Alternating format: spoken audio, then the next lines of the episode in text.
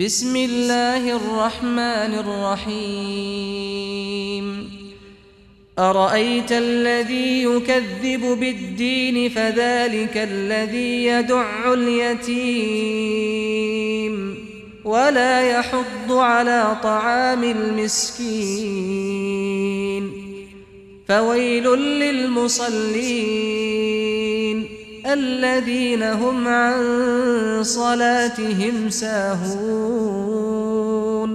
الذين هم يراءون ويمنعون الماعون.